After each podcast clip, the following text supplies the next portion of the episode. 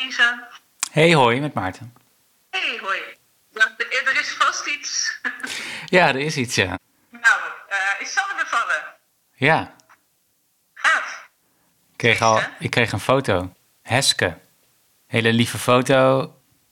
Ze ligt uh, onder een uh, wit dekbedje met haar handjes omhoog en een grijs mutsje op, oogjes dicht. Zaterdag 7 november 2020, omstreeks 15.30 uur. Heske wordt geboren.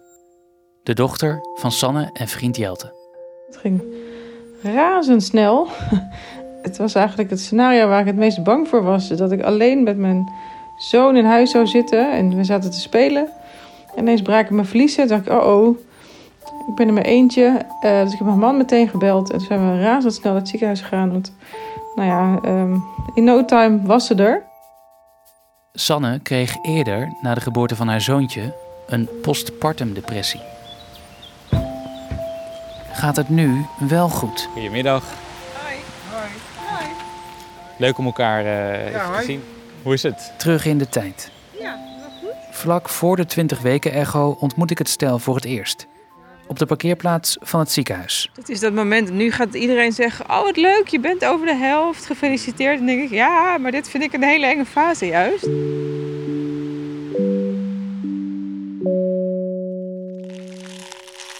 Dit is Zwarte Muisjes.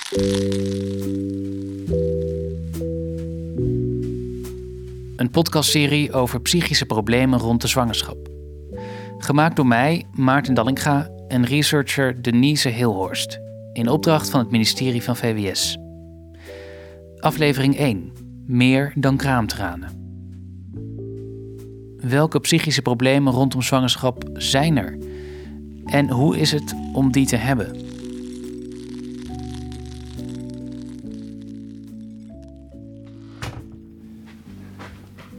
Welkom. Goedemiddag. Hi. Hoi. Ah. In de box. Baby in de box. Ja. Die heeft je niet echt in de gaten. Nee.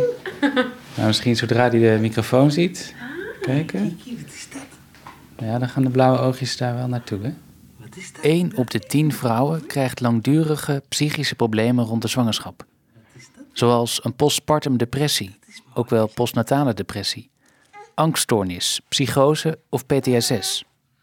Je hoort in deze serie het verhaal van Sanne, maar ook dat van andere vrouwen, zoals Maria. Ik ben 25 jaar en ik woon samen met mijn man Tim en onze kinderen in Houten.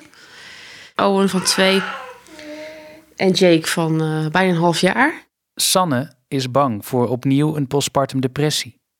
Maria zit daar, als ik haar spreek, middenin. En er zijn afgelopen maanden ook echt perioden geweest dat ik echt, jongen, nou, ik, dat ik gewoon me nergens toe kon zetten. Ik kan het best omschrijven alsof er een soort heel zwaar, zware zandzak in je lijf zit, die je constant naar beneden trekt. Dat, dat, dat is, is dat gevoel. En ontzettend moe. En gewoon heel kwetsbaar. Met Maria terug in de tijd. Haar bevalling van Owen, de oudste, twee jaar terug. Ik had er ontzettend veel zin in, want ik was uh, 41 weken en twee dagen zwanger best wel een redelijke aanloop. En ik wilde absoluut niet ingeleid worden. Dus ik wilde heel graag uh, spontaan bevallen. Ik wilde absoluut niet met pijnstilling bevallen. Wij vrouwen doen dit al duizend jaren. Dit kan prima zonder. Dit kan ik zonder, dacht ik. Nou, dat bleek dus niet. en toen heb ik uh, een, morfinepompje gehad. Nou, het hele gebeuren heeft wel, nou, ik denk ruim 24 uur geduurd. Dus dat, ja, gewoon best wel lang en pittig. En ik weet nog zo goed dat, dat ik was zo ontzettend moe. Dat hij op mijn buik werd gelegd. En ik had echt niet zoiets van, joh, oh man, mijn kind is er eindelijk. En ik was helemaal, ja, gewoon wappie. Het was zo anders dat ik me. Ik had ik had er zo'n zin in. In mijn zwangerschap dacht ik echt: oh, ik ga dit rocken, die bevalling. Dit, dit, dit kunnen wij vrouwen. Ik ga het gewoon, mijn, mijn pijngrens is hoog. Ik ga dit gewoon, ja, ik ga het gewoon kunnen. Ik ga dit gewoon doen. En zo heb ik het niet ervaren, uiteindelijk. Ik heb het gewoon, die hele bevalling gewoon als één groot, grote failure, zag ik dat. Die hele de kraanweek ook, voelde me zo schuldig. Waarom kon iedereen dit zonder pijnstilling en ik niet? Ik voelde me echt falen. Maria's psychische problemen worden door de zorg niet herkend. Ze krijgt geen passende hulp. Als Owen nog maar één is, raakt Maria onverwachts weer zwanger. En toen dacht ik, oké, als ik nu weer zo'n zwangerschap krijg als dat ik bij Owen heb gehad, terwijl ik al een kind heb, dan gaat het niet worden. Dus ik moet hier iets mee. Via de psycholoog waar ik toen liep, die heeft me aangeraden van joh, ik zou naar de poppolie gaan als ik jou was. De Poppolie is een polykliniek speciaal voor zwangere vrouwen en jonge moeders met psychische problemen. Daar krijgt Maria goede hulp, waarover later meer. Ondertussen lopen Sanne en Jelte naar de ingang van het ziekenhuis voor hun 20 weken echo. Ze zeggen dat het zo belangrijk is dat er aandacht is voor psychische problemen rond de zwangerschap. Want je weet er niks van en dan maakt het alleen maar zwaarder. Voor een moeder. Ja, Alleen maar zwaarder, want je bent compleet aan het falen omdat het allemaal goed hoort te zijn. Het moet allemaal fantastisch is zijn. Je moet allemaal een supermoeder zijn met, eh met eh, een grote happy family. nou, jij zal niet mee mogen. Nee, Dus eh we zien jullie zo, hè? succes. Ja, Ja. bedankt. Dankjewel. Dankjewel. afspraak. Ja. We komen voor een echo. Oké. 20 weken echo? Ja. Ja. Dankjewel. Dankjewel.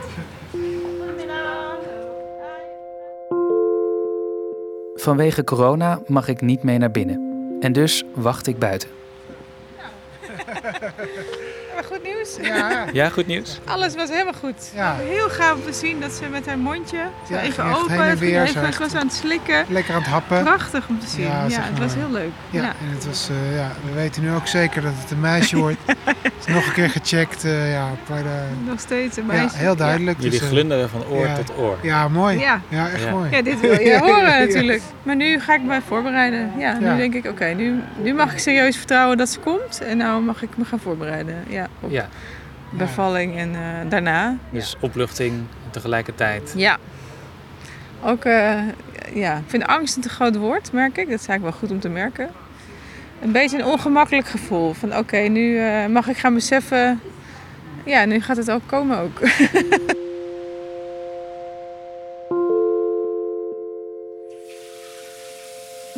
Een paar weken later bezoek ik Sanne en Jelte voor het eerst thuis.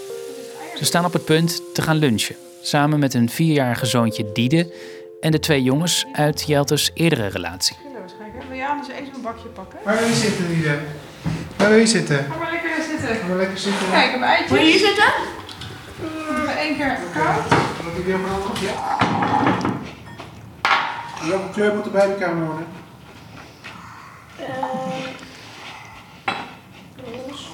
Dat zeggen ze dus altijd, hè? Zo standaard.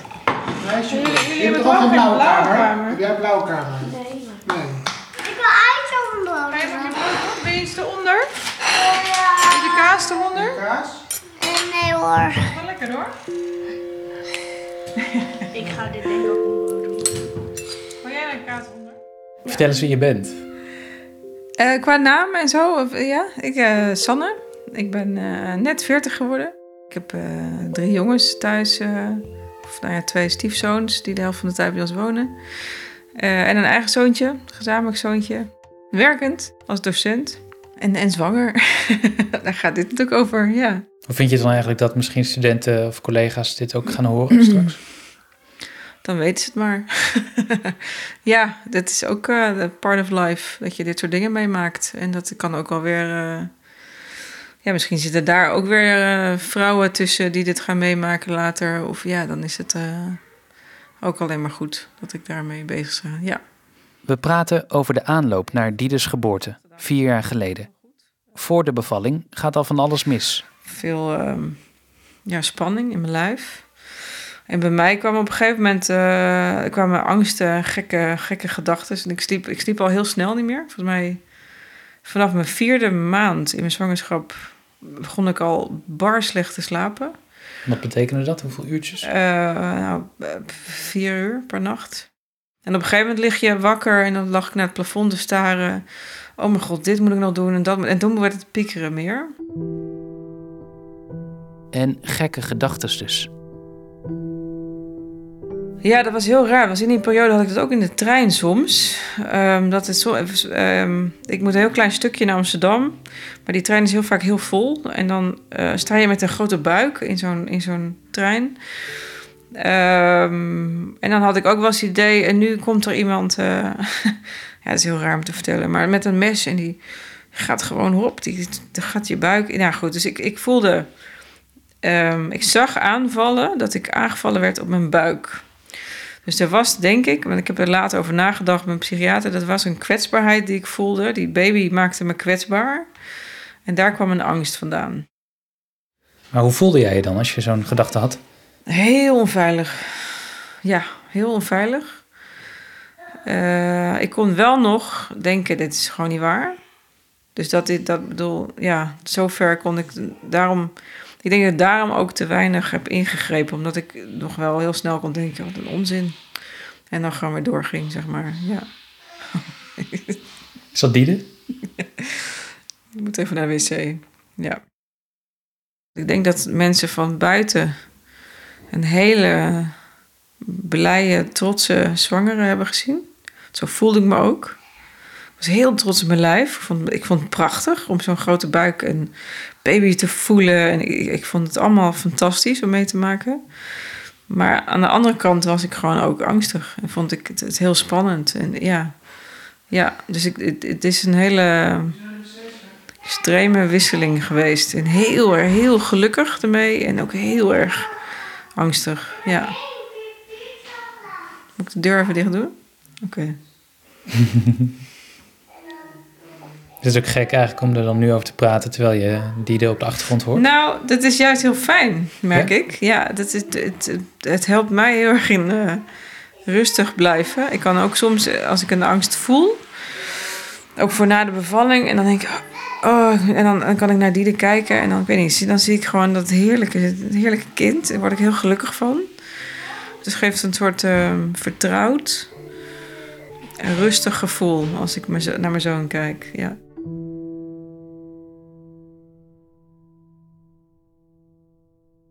Is natuurlijk toch fijn als je onbevangen zwanger kunt worden. En tegelijkertijd denk ik eh, dat het wel goed is dat we daar meer aandacht aan besteden.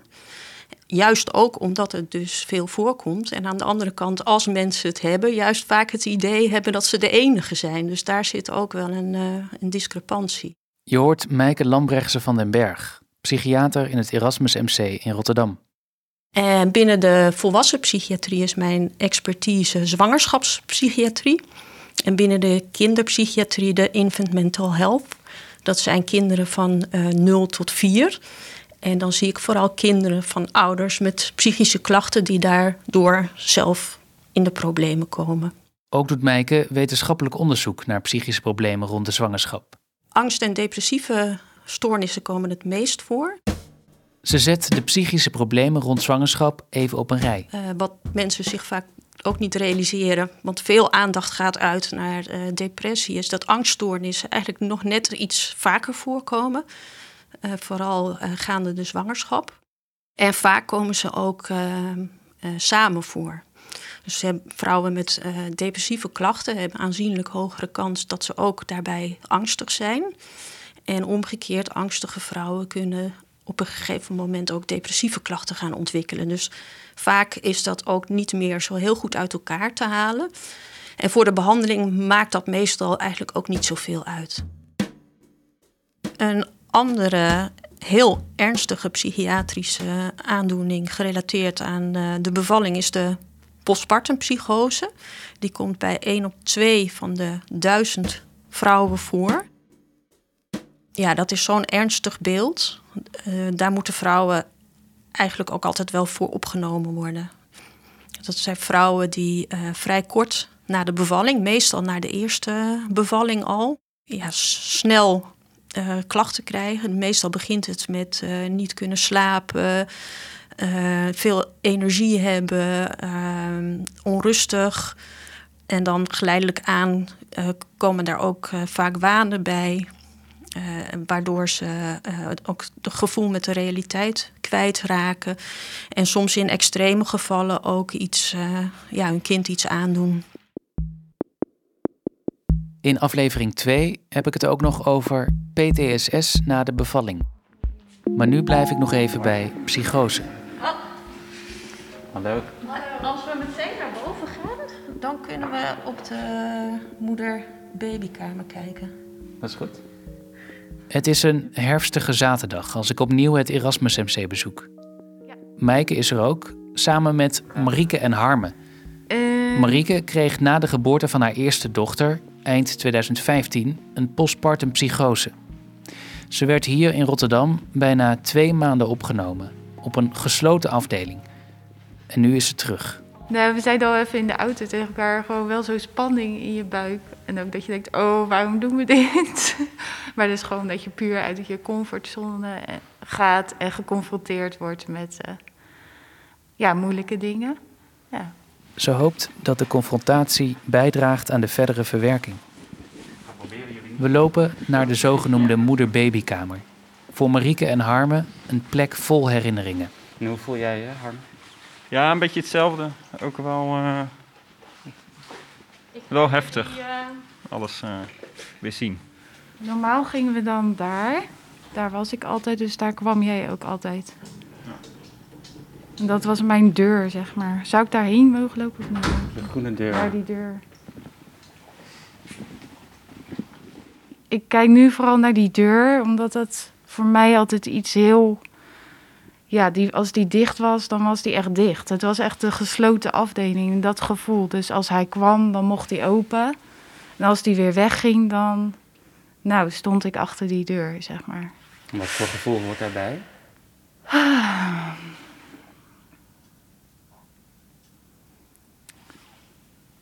Ja, dat ik zelf niet meer kon bepalen dat er van alles eh, over mij bepaald werd. En dat ik gewoon afhankelijk van mijn. Ik, ik, heel machteloos eigenlijk. Dat, ja. Machteloos, dat, wilde ik ook zeggen. Dat is ook, dan, dan zag ik Marieke en dan zag, ik, eh, dan zag je soms eh, jullie ook al. Maar dan kan je er niet naartoe. Dan moet je wachten. Dit is niet fijn. Dit is niet hoe het hoort te zijn. Nee.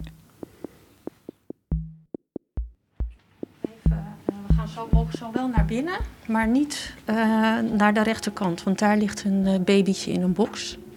Dus we blijven even aan deze kant.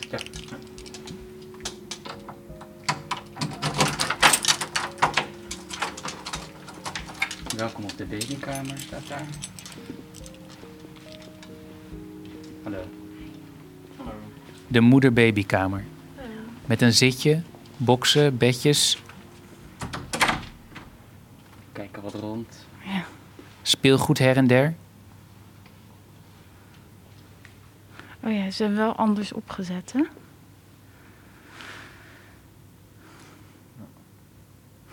Maar ook weer niet heel anders. Nee, alleen die zithoek verplaatst. Maar die bank, dat, is, eh, dat waren wel de banken, ja. Waar we veel op gezeten hebben. En die bedjes. Gewoon het idee daar heeft ze... Dat ze daar heel veel gelegen heeft de eerste maanden van haar leven. En eh, nu kan ik er naar kijken zoals het is. Dus dat... ehm, dat is fijn om ook gewoon tegen mezelf te zeggen van zo was het.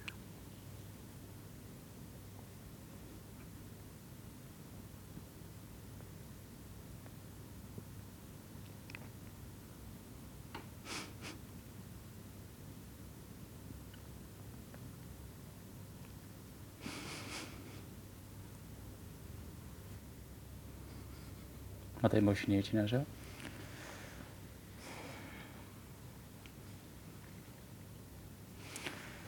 Nou, dat. ehm, wat ik daarbij ook altijd denk, gewoon van dat ze hier lag op een kamer alleen met andere kinderen.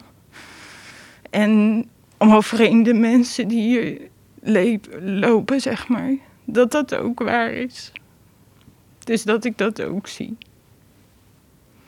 En dan ook weer die machteloosheid dat daar, zeg maar, de deur was. En dat ik afhankelijk was van de deur die wel of niet open ging, of ik bij mijn kind kon.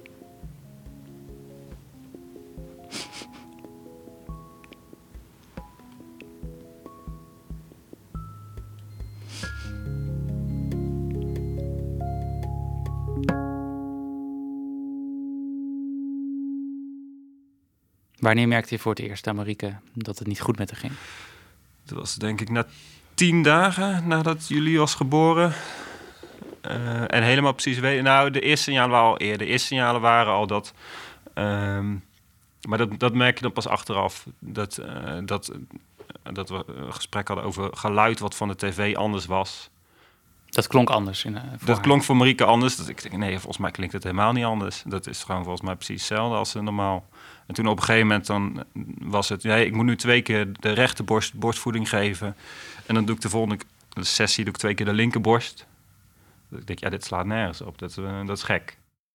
Nou, de eerste week, toen de kraamzorg er nog was, toen op een gegeven moment ging ik eh, bijvoorbeeld de douchewand. Daar zit natuurlijk kalkspet dus altijd op. En ik zei al tegen de kraamverzorgster van... eh, zo, nou, de, die, die, die douche, dat doucheglas, die, eh, dat, dat glimt helemaal. Al die kalkspetten zijn weg. Echt, alles wordt mooier in huis. Oh, onze glazen glimmen ook. En ik had al een keer tegen jou gezegd... en jij keek mij zo aan van... ik weet niet waar je het over hebt. En, en ook wel in die week al dat ik heel snel praatte. Zo. Ik vergat gewoon heel de tijd mijn eten. Dus dan was eh, alle tijd al voorbij. En dan eh, stond mijn thee daar nog koud of mijn eten koud. En ik ging ook opeens van alles doen. Dus eh, ik weet niet. Maar in ieder geval in die eerste week, dan s'avonds zat ik de hele kast uit te zoeken.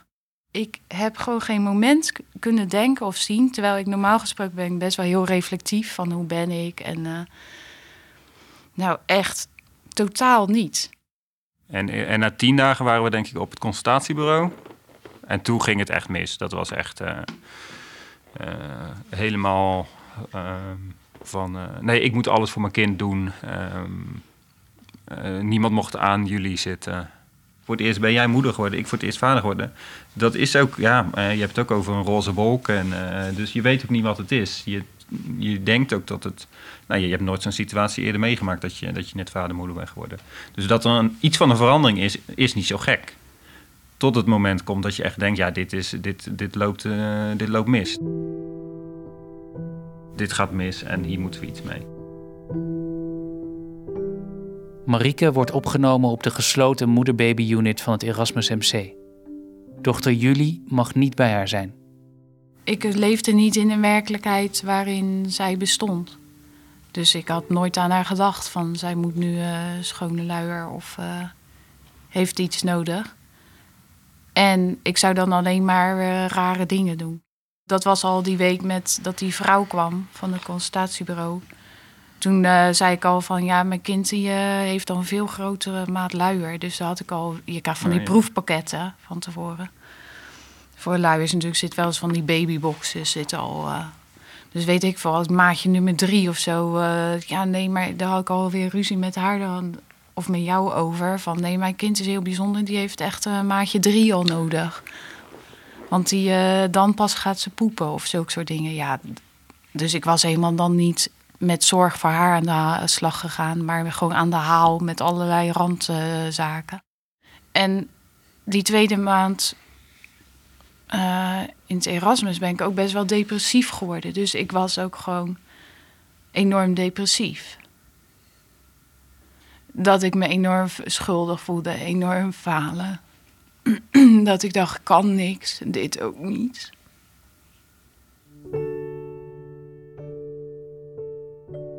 En dat gevoel blijft als Marieke na twee maanden opname weer thuis is. Nou, dat ik dan eigenlijk ook niet uit bed wilde, zeg maar. Ik wist gewoon niet hoe ik de dag moest doen. En dat ik me ook heel erg eh, schuldig voelde naar mijn kind. Van dat ik niet meer wilde, terwijl ik net een kind had. Ja, gewoon niet meer wilde leven.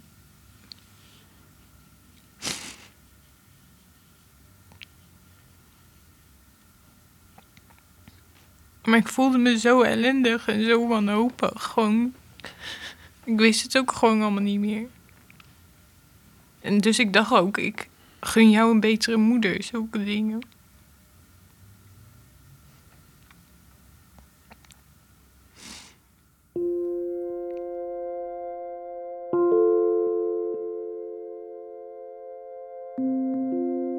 Kamer waar we nu in zitten is een enorme rommeltje, omdat we hier Liedische kamer van gaan maken. We hebben net de werkkamer opnieuw ingericht, dus die hebben een ander kamertje gemaakt. En dan gaan we zo meteen de babykamer maken. Dus uh, ja.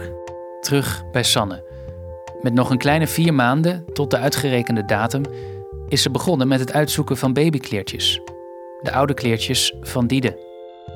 Ik heb heel lang gedacht, oh, dat ga ik wel aan de, helemaal de laatste maand doen. Dat, want dat, het lijkt me zo eng om die kleertjes weer in mijn handen te hebben. Maar ja, op een gegeven moment had die 20 weken echo. En dan had, vertelde ik jou natuurlijk ook dat het voor mij heel dubbel was. Van ja, super, mijn partner helemaal gelukkig, van het gaat goed. Dus we gaan er naar naartoe leven. En ik dacht, paniek, want nou komt er ook echt een baby. Dat vind ik gewoon heel spannend. Maar... Uh, ja, eigenlijk door het opruimen was ja, ik had verwacht door de baby spullen te pakken en vooral de kleertjes, vooral die hele kleine, superkleine prematuurmaat kleertjes, want zo klein was die, um, dat er allemaal nare herinneringen boven zouden komen. Ik dacht ineens, het valt eigenlijk best wel mee. Dus het was, um, nou ja, mijn ik had vorige week met een psychiater over en die zei ja, het is als je zo'n traumatische ervaring hebt met een postpartum depressie, ga je angst voor een angst creëren in je zwangerschap. Dus dan moet je daar iets mee doen om die angst kwijt te raken. Want je gaat het gewoon weer aan. En heel vaak gaat het ook goed bij de tweede. Um, en dat is denk ik wat ik heb gedaan. Dus ik was heel erg bang. Ik was heel erg angstig voor nare herinneringen. En dat bleek dus wel mee te vallen. Dus dan dacht ik, ik moet er gewoon doorheen. Ik moet dat gewoon allemaal weer doen. Toen zei mijn moeder ook zo mooi... misschien moet je gewoon elke week die, die kleertjes in je handen houden... en ze allemaal gaan wassen. Dus nooit vijf keer gaan wassen en helemaal je gewoon weer helemaal dat eigen maken, omdat het ook zo leuk is. Want ik dacht ineens ook, wat kan er nou eng zijn aan zoiets liefs kleins? En dat was een heel mooi besef, dat ik dacht, ja, het is natuurlijk gewoon een ziekte geweest die je in je hoofd iets heeft gedaan, waardoor je het angstig bent gaan vinden. Maar zo angstig is het misschien wel helemaal niet. Dus dat was een heel mooi, uh, was een heel mooi moment. Het begint ook leuk te worden. Dus die angst begint een klein beetje er vanaf te gaan. Dat ik soort dubbel van, hey, het zou ook wel eens gewoon heel leuk kunnen zijn om weer zo'n kleintje in mijn handen te hebben, zo meteen mijn armen te hebben. Dus het is wel heel gaaf om deze fase dan door te maken, ja. Hoe het verder gaat met Sanne hoor je in aflevering 2. Daarin sta ik ook stil bij het taboe dat rust op psychische problemen rond de zwangerschap. Volgens mij is het taboe dat je als moeder meteen het fantastisch moet vinden. Die roze volk is uh, groots. Je luisterde naar de eerste aflevering van Zwarte Muisjes. Vond je hem goed? Dan waarderen we een recensie via Apple Podcasts of een aanbeveling op sociale media. Zwarte Muisjes wordt gemaakt door mij, Maarten Dallinga en researcher Denise Hilhorst in opdracht van het ministerie van VWS. Dank aan mijn stagiair Igna Schoot, die hielp bij de montage. Reageren kan via zwartemuisjes.gmail.com. Kijk voor meer informatie ook eens op heyhetisoké.nl. En wil je naar aanleiding van deze aflevering praten met een hulpverlener? Zoek contact met iemand in de buurt, zoals je huisarts of verloskundige, of ga naar mindcorrelatie.nl. Tot de volgende.